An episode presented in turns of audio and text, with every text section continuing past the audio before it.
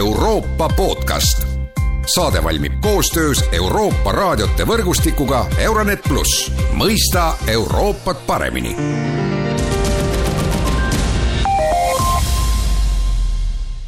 tere päevast ja alustame sellenädalase Euroopa podcastiga. Saksa uus valitsus sai äsja valmis koalitsioonilepingu. mida see sisaldab just Euroopa Liitu silmas pidades, sellest kõneleb täna stuudios Postimehe ajakirjanik Berit Nuka, tere päevast. tere. mina olen Erkki Vahovski. no ja alustame sellest, mis on ilmselt tekitanud pealkirju, kui me räägime Saksamaa koalitsioonilepingust, uuest koalitsioonilepingust, sellest föderaalsest Euroopast, et siin on nagu mitmel pool jõutud juba arvamust avaldada, no näiteks meie põhjanaabrid soomlased, et äh, Saksa uus koalitsioonileping näeb siis ette föderaalset Euroopat, et Berit, äh, et kuidas sina seda mõistad? No ega ta nagu ilmselt jah, ei taha ju suurt Euroopa ühendriiki luua, sakslased ka mitte, et aga selles mõttes see tõesti on uus, et, et ikkagi mõned aastad on seda föderaalsest Euroopast rääkimist äh, välditud äh, igati, et mitte ärritada siis äh, Euroliidu vastaseid parempopuliste. Et selles mõttes selle niimoodi selgelt sõnastamine on kindlasti uus, et noh,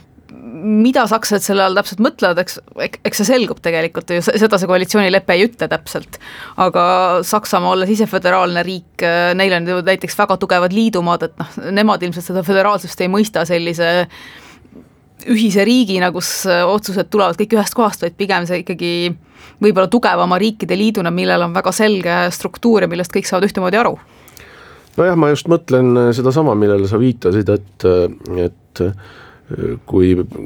tuleb selline nagu sõna ühendföderaalne Euroopa, siis lähevad punased lambid või punased lipud nagu kuskil nagu üles kohe mitmes Euroopa riigis ja euroskeptikud saavad nagu tuult tiibadesse, et kas see nagu ikkagi nagu liiga ettevaatamatu ei ole või, või sa arvad, et sakslased suudavad seda diplomaatiliselt ära seletada, mis see ikkagi siis see föderaalne Euroopa on, sest koalitsioonileping räägib tõesti ka sellest jah, et Euroopa Liitu on vaja tugevdada iseküsimus on sellega, et kui, kui tugevalt või jõuliselt nad sellega tegelikult nüüd lõpuks nii-öelda siis tegelema hakkavad, selle sõnastamine on üks asi, teine asi on see, et, et see võib sumbuda igasugustesse muudesse väiksematesse pakilisematesse asjadesse päris kiiresti ära, teine pool on see, et, et ikkagi praegu, kuigi, kuigi Prantsusmaa sellest ei räägi võib-olla praegu valimistel kõva häälega ja, ja Itaalia ju otseselt ka ei räägi föderaalsemast Euroopast, aga, aga see tundub, et see niisugune tugevate, suuremate Euroopa riikide tuumik pigem on praegu selle noh, väga kange populismilaine seljatanud, ehk nad julgevad seda natukene taas rohkem puudutada, et kuidas nagu me sellele Euroopa Liidule läheme, läheneme, mismoodi me seda tulevikus ette kujutame, kuidas ta meie jaoks paremini võiks töötada ja, ja seal nagu siis tuleb mängu see sõna föderaalne taaskord. aga noh, ilmselt on ka tekkinud natuke võib-olla niisugune tüdimus, et, et populistid nii-öelda Ida-Euroopas ja kes seal võimul on, et noh, need ilmselt nagu kukuvad selle peale loomulikult lärmi tegema, aga et võib-olla, võib-olla on nagu otsustatud, et las siis olla nojah, ma mõtlen, et see nagu ajalooline kogemus ja eriti nagu lähiminevikust on olnud ju väga negatiivne, et kaks tuhat üks algatati Euroopa põhiseaduse lepingu projekt, aga see lendas vastu taevast pärast seda, kui Prantsusmaal kaks tuhat viis ja Hollandis kaks tuhat viis inimesed hääletasid selle maha, et ja siis äh, lihtsalt kaheksa aastat kulus nagu sellele vaidlusele, lõpuks tuli selline poollahja Lissaboni leping, mis jõustus kaks tuhat üheksa, et noh, et praegu minnakse siis nagu uuele ringile või kui ma mõtlen just Saksa koalitsioonilepingut ja noh, tõesti no, anname endale aru, et Saksamaa on küll Euroopa Liidu suurim riik, aga see protsess ise ju võtaks aega veel, kui, kui see tõesti peaks juhtuma, ma mõtlen siin seda föderaalset Euroopat või Euroopa tugevdamist jah, et see ei ole ju kindlasti selle ühe valimistsükli protsess ja noh, teine asi, mis minule nagu selles lepingus antud kontekstis silma torkab, on seal ikkagi mainitakse taaskord ju ka seda, et et võib-olla peaks tegelema nii-öelda ühiste huvigruppidega, nii-öelda jutt on niisugusest kogukonnast Euroopa sees, mis natuke vihjab ka sellele, et võib-olla kuskil tiksub see mõte, et noh, et teeme siis ikkagi seda nii-öelda kahetasandilist Euroopat, millest on ka juttu olnud ju. ja no sellest on jah, see ka veel nullindatel, see kahetasandiline Euroopa või kahekiiruseline Euroopa, sellest räägiti ka päris palju, aga aga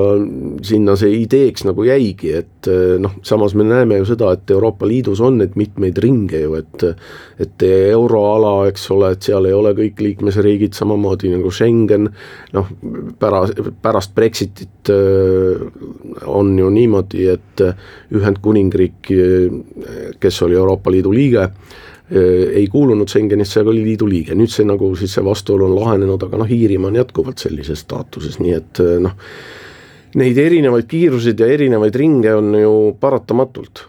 jah, ja eks seal hakkab nagu mängima ka see, et, et ikkagi see õigusriigi debatt on niivõrd üleval olnud, et sul on tekkinud mingisugune arusaam, et osad riigid ajavadki täiesti teist asja. Ja võib-olla see mõnes, mõnel pool Euroopas jälle taas tugevdab nagu seda teist poolt, et äkki me siis nagu peamegi mõtlema, et kuidas me siis seda nii-öelda väärtuspõhist Euroopat siis omaette ajame no siin ongi see minu jaoks ka väga suur küsimus ja noh, mitte ainult minu jaoks, ma lugesin siin mingit Politico artikli kommentaari ja ja just see, et, et kui Saksamaa uus koalitsioonileping näeb ette igasuguseid laiemaid õigusi ja rõhutatakse just neid Euroopa väärtusi, siis samal ajal seal üle piiri, ehk siis Poolas nagu toimub nagu täiskäik tagasi, et noh, ärme hakka rääkima siin sellest migratsioonikriisist, Euroopa toetab Poolat, aga kui me pöördume tagasi õiguslike küsimuste juurde, siis ju mõt-, mõeldes sellele, et Poolas on, eks ole, abordi keelustamise seadused ja siis samal ajal Saksa koalitsiooni leping, noh, see on hoopis nagu selle poliitikumaastiku teises otsas, aga samal ajal on tõesti see, et et seal koalitsioonilepingus tuuakse eraldi välja see partnerlus Poolaga ja noh, sellest räägitakse päris pikalt, et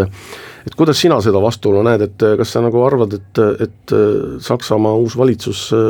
suudab Poolaga nagu häid suhteid pidada? Ühelt poolt on see pragmaatiline pool, et ma ei usu, et nad sellest taganevad, et selles mõttes, et ka Merkeli ajal ju noh, keegi ei saa öelda, et äh, Saksamaa on hirmsasti mõttekaaslane Ungariga, mõttekaaslane Poolaga, need suhted on tegelikult ju head olnud, et küll see pragmaatiline pool jääb alles. teistpidi see koalitsioonileping ju ei ütle ka seda, et me hakkame ajama väga head poliitikat tingimata Poola valitsusega, seal muuhulgas mainitakse, et kodanikuühendustest räägitakse, koostööst piirialadel, et noh, seal on nagu toot-, on selgelt näha seda, et nad tahavad nii-öelda, rõhutavad seda koostööd Poolaga, aga rõhutavad ka seda, et me valime partnereid, kellega me Poolast suhtleme. Ja, ja noh, teine partner, ajalooline partner muidugi on Prantsusmaa ja, ja,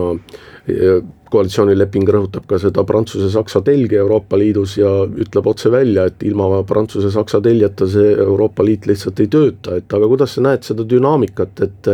et tõepoolest, et Olav Scholz saab nüüd lähinädalatel või siis järgmisel nädalal juba kantsleriks ja peab hakkama koostööd tegema Emmanuel Macroniga, Prantsusmaa presidendiga ja lisaks, eks ole, Prantsusmaa äh, Prantsusmaast saab järgmine poolaasta Euroopa Liidu eesistuja, et äh, kuidas sa siin neid perspektiive hindad? noh, Scholz ütles juba väga ammu, et tema esimene välisreis on Prantsusmaale Macroni juurde, et et ilmselgelt äh, nad üritavad seda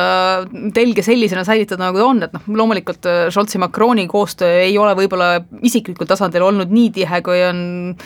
Merkelil ja Macronil olnud mõistetavatel põhjustel, aga samas ei ole seal ka nagu selget märki sellest, et miks nad ei peaks omavahel klappima tingimata. ja Scholz ei ole ju kogenematu poliitik Euroopa tasandil ka, siis pigem hakkab seal mängima just see Prantsusmaa sisepoliitiline pool, et palju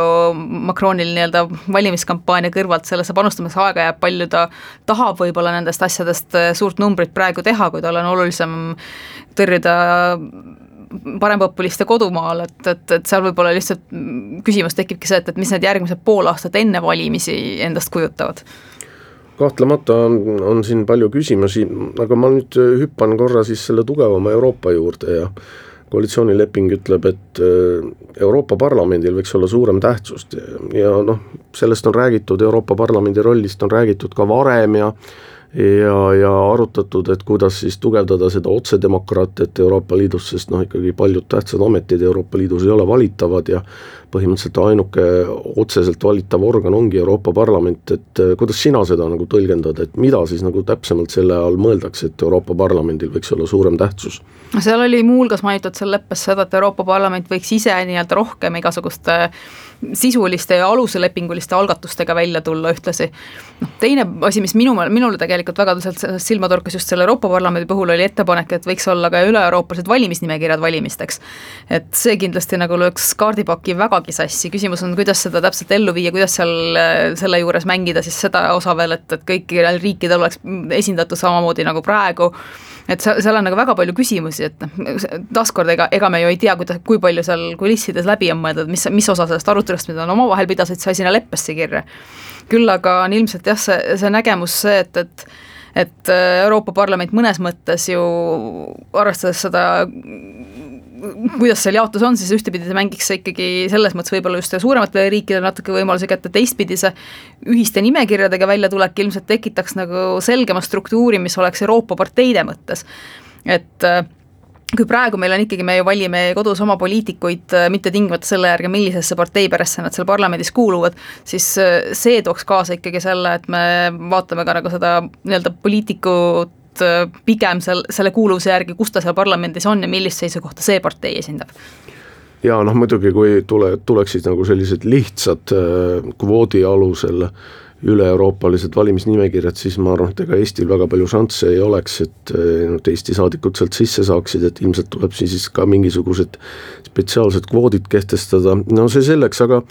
kindlasti on oluline aspekt ja mis ka Eestit huvitab, Euroopa Liidu sõjaline pool ja noh, siin koalitsioonileping tahab seda Euroopa Liidu sõjalist aspekti arendada, räägitakse PESCO-st ehk siis Euroopa Liidu sõjalisest koostööst ja, ja nii edasi. Aga minu jaoks on ikkagi nagu see küsimus, et äh,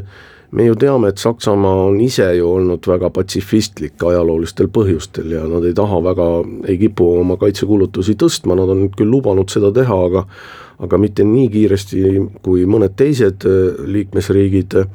et äh, kuidas sina seda hindad, et et äh, kas Saksamaal on tõsi taga, et on ju selge, et äh, kui tahta nagu panustada Euroopa Liidu sõjalisele äh, aspektile, siis peab ju tõstma ka kaitsekulutusi? no pigem nende debatt on käinud seda teed, et üks asi on, et tõstame kaitsekulutusi, aga me peame enne ära rääkima selle, miks me neid tõstame. ja arutame seda, et kas see raha, mis meil praegu on, kas me seda kasutame mõistlikult et noh, Saksamaal ilmselt ei ole nagu väga lihtne ka öelda, et me panustame kangesti Bundeswehri, arvestades Bundeswehri viimaste aastate skandaale, et Saksamaal on ikkagi nagu neid erinevaid väikseid natsirakukesi, neid, kes on tahtnud oma ar-, eraarmeed teha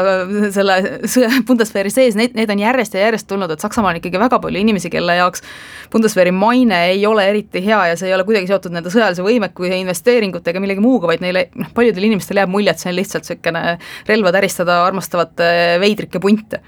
et noh, kõigepealt tuleb nagu sellega tegeleda neil ikkagi, kui nad tahavad seda raha sinna suunama hakata, teine asi on see, mida nad ikkagi väga räägivad, et noh, üks asi on see, et kas me võime tõsta selle kulutuse kahe protsendini või, või tõstame ta kuhugi mujale, aga noh, küsimus on see, et kui me arendame seda kas NATO raames, me arendame seda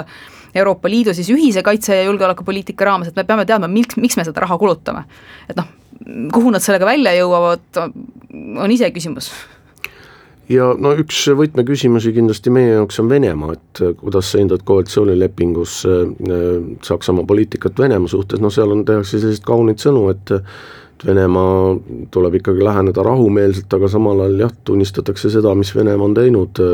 Krimmis ja Ida-Ukrainas, et ja noh, me teame ajaloolistel põhjustel see Saksamaa suhe Venemaaga on olnud ju alati selline väga, väga vastuoluline et eks ta,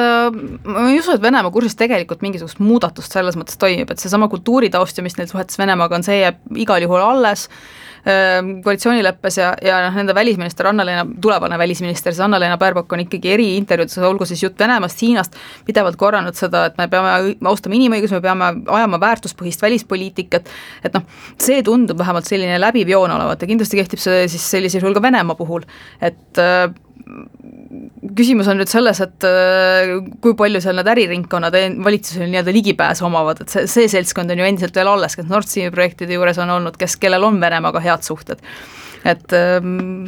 eks, eks, eks paistab. eks paistab ja noh, viimane küsimus, et äh, kuidas sa hindad selle koalitsioonilepingu mõju siis Eesti diplomaatiale, et äh, mida siis Eesti peaks nagu Saksamaalt ootama, et kas meilt on, kas meil on oodata Saksamaa poolt mingisuguseid üllatusi või või pigem mitte ja, vähemalt esialgu, vähemalt min-, minu silmis ei tundu, et sealt nagu midagi suurt kursimuutust tuleb, kindlasti ei juhtu see kiiresti. eeldada võib, et Saksamaa poolt ka välispoliitikas tuleb tegelikult rohkem rõhku nendele roheteemadele, mida Eesti peab hakkama nende peale mõtlema paratamatult. valitsuskoalitsioonis on rohelised, no see on jah, paratamatu mingis mõttes ju. ja, ja see Euroopa arutelu, noh, see, see ilmselt ikkagi olenemata sellest, mis, mis on nende tulevase rahandusministri Kristjan Lindneri, Lindneri enda seisukohad, ikkagi see, kuidas Eurotsooni poliitikat edaspidi ajada, kas Euroopal on vaja, Euroopa Liidul vaja oma sissetulekuallikaid, ehm, kuidas suhtuda Euroopa Liidu ühisesse võlga, et need küsimused tulevad paratamatult lauale ka nende ajal. Aitäh, Berit Nuka, see oli tänane Euroopa podcast, mina olin Erkki Pahovski, kõike head ja kuulmiseni